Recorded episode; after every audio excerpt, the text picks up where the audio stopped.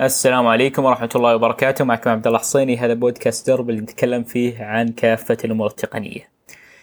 ب 1960 كان سعر الكمبيوتر الطبيعي. يعني أقل ما أقل ما يمديك تشتريه، الشيء السيء جدا اللي يلا يلا اللي يلا يلا يحسب. يلا يلا تشغل عليه حاسبه. كان سعره عشرين ألف دولار. ومو بعشرين ألف دولار اللي على دولاراتنا على الوقت الحالي لا. عشرين ألف دولار على الدولار ذاك الوقت. يعني بالوقت الحالي سعر ذاك الجهاز لازم تضرب عشرين ألف هذه بثمانية تقريبا. فتضرب العشرين ألف هذه بثمانية يطلع لك إن يطلع لك إن سعر يطلع لك إن سعر الجهاز هذا 160 ألف دولار 500 ألف ريال. هذا الجهاز. أنت تخيل الحين معي هالجهاز ذا اللي انت صرفت عليه هالمبلغ الكبير ويعني يا الله يلا يسوي شيء. حتى ال terminal اللي فيه شفت ال terminal اللي الحين لو تفتحه اللي هو ال command line؟ لو تفتحه تكتب فيه أوامر وتطلع لك مباشرة. هناك لا. كان إذا حطيت أمر تصبر على بال ما يحلل ذاك الأمر ويعطيك نتيجة. يعني حتى ردة الفعل كانت بطيئة. هذا بالنسبة لذاك الجهاز. طبعا زي ما قلنا سعره كان عالي جدا. لكن كان في ناس كثيرين يستفيدوا منه. ففكرت شركة من الشركات اللي هي طبعا إحنا قلنا 1960 يعني ما في إلا شركة واحدة تفكر مهتمة بذيك الأمور بذاك الوقت. اللي هي Bell Labs فقالوا نبي نزيد نظام. النظام هذا فكرته إني أنا أخذ الجهاز هذا وما يحتاج تشتري. على الوقت اللي تستخدمه على الوقت اللي تستخدم ذا الجهاز ناخذ عليك مبلغ مالي. إذا إنك استخدمته ساعتين أو ثلاث ساعات بالأسبوع تدفع بالساعة. فاللي يجي يقول لك ان فاللي يجي يقول لك إن ال cloud computing شيء جديد يعرف انه كان في شيء مقابل له من 80 سنة. ف فاعرف إنه كان في شيء مقابل له من 60 سنة فهذا مو بشيء جديد. لكن نرجع لموضوعنا. فقالوا Bell Labs أوكي. نحتاج نظام. النظام هذا يدبر الأشغال دي. إنه كيف إني الحين أنا كيف إني الحين أنا أتابع الوقت اللي يستخدمون فيه الناس الجهاز والأشياء ذي فنحط له نظام تشغيل. نظام التشغيل هذا اسمه Multics. فقعدنا فقعدوا يشت... قعدنا أنا كني معهم الحين. لكن قعدوا يشتغلون على النظام هذا جلسوا لهم مدة. بعد المدة هذه لاحظوا إنه يا أخي ما البرنامج مو بمرة. معقد بزيادة وصعب الاستخدام وما ما هو بزين. فاجدعوه قشوا شغلهم ذا اجدعوه كله وبدوا من جديد. فيوم بدوا من جديد قالوا نسمي النظام هذا Unix ف ونبي نحط نحط له مبادئ معينة اللي نمشي عليهن.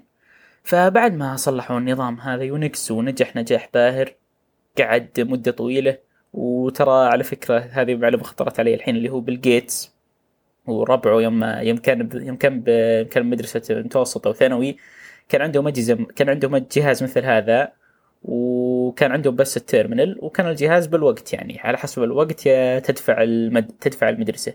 هذه قال هذه ذكرها صدق ذكرها ال co-founder اللي كان ذكرها شريك بيل جيتس آه، اللي هو آلن اللي هو آلن والله ما يحضر اسمه الأخير. لكن المهم أنه ذكرها بكتابها Idea Man فاللي مهتم بالتفاصيل هذه يبي يشوف أكثر يروح يقرأ ذاك الكتاب. هذه معلومه هذه معلومة جانبية. نرجع لموضوعنا.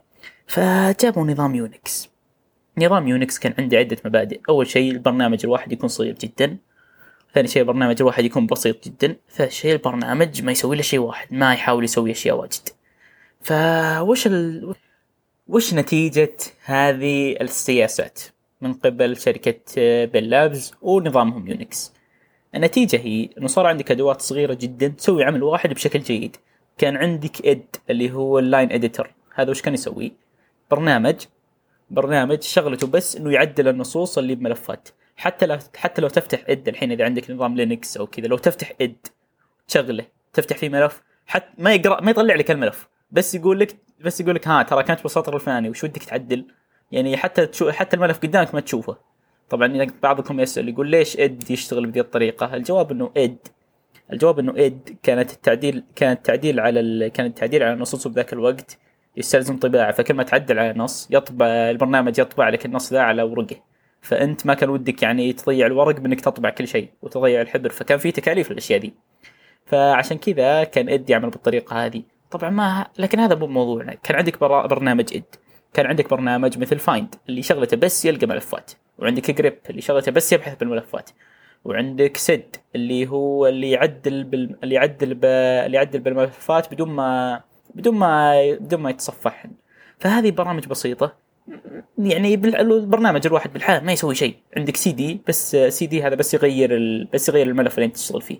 عندك rm يحذف ملف و cat وإلى آخره. فالبرامج هذه الواحد ما يسوي شيء. لكن اذا دمجتهم مع بعض تقدر تنفذ تقدر تنفذ أمور كثيرة. فمن النتائج الحين للسياسات هذه؟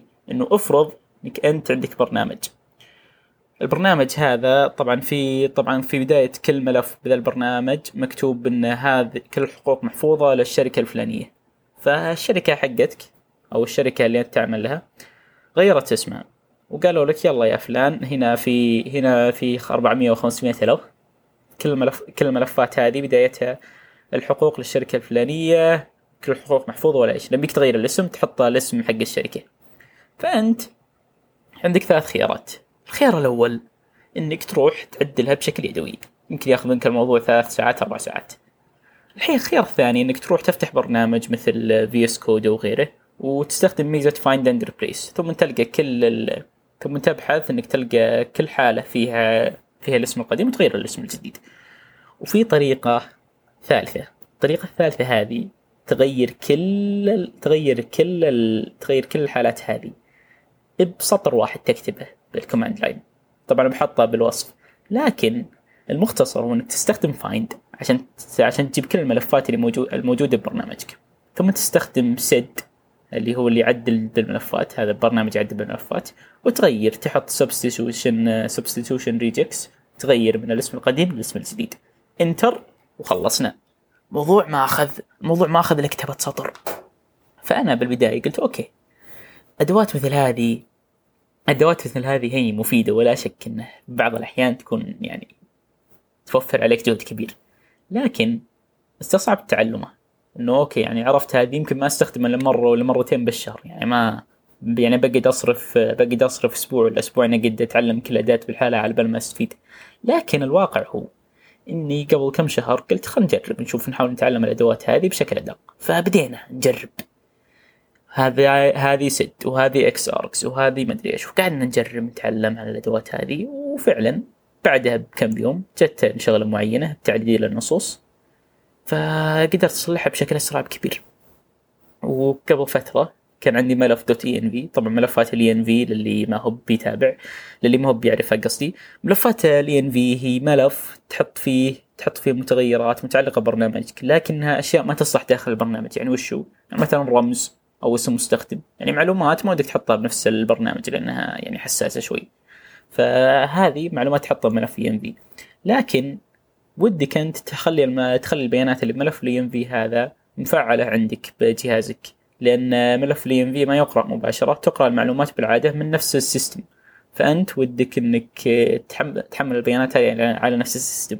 فاللي عارف منكم بالأشياء دي يمكن يقول okay طيب command source ثم اسم الملف. لكن المشكلة إن ال source عندي ما ضبط فاضطرينا نستخدم export فوش الفكرة هي؟ اننا كان لازم نعدل على السطور الموجودة بملف dot env ثم نشغل السطور هذه على ال terminal. فقلنا okay هذه أمرها سهل.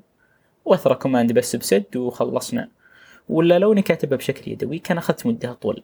فهذا استخدام من استخدامات الأدوات هذه. طبعا في حالات ما تستفيد منها من هذه الأدوات. مثل إنك تبي تصلح مثلا معدل نصوص مثل VS Code صعب إنك تخلي VS Code إنه في أداة للبحث وأداة لتعديل النص وأداة لقراءة النص وما أدري هذا الأسلوب ما ينفع. لكن في كثير من الحالات أدوات مثل هذه تفيدك.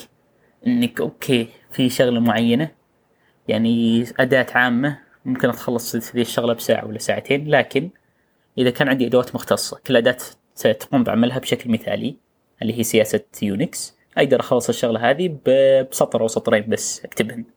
فهذه فعشان كذا أنا أقول لك إذا إنك أنت شخص تقني لازم تتقن استخدام ال command line كثير منا يقول okay أنا أعرف أستخدم ال command line أعرف أحط أوامر وأعرف الأشياء دي يعني أعرف rm والأشياء دي لكن تراك يعني قد تحس إنك تش... قد تشعر إنك تعرف بالأمور هذه. لكن ترى فوق كل ذي علم عليم. فدام إنك تبحث تحاول تطور بالمجال ذا تلقى فرص كثيرة إنك تحافظ تشتغل وقتك وتخلص الشغل أسرع إذا إنك متقن لهذه الأدوات. هذه رسالتي لحلقة البودكاست هذا وشكرا لمتابعتكم.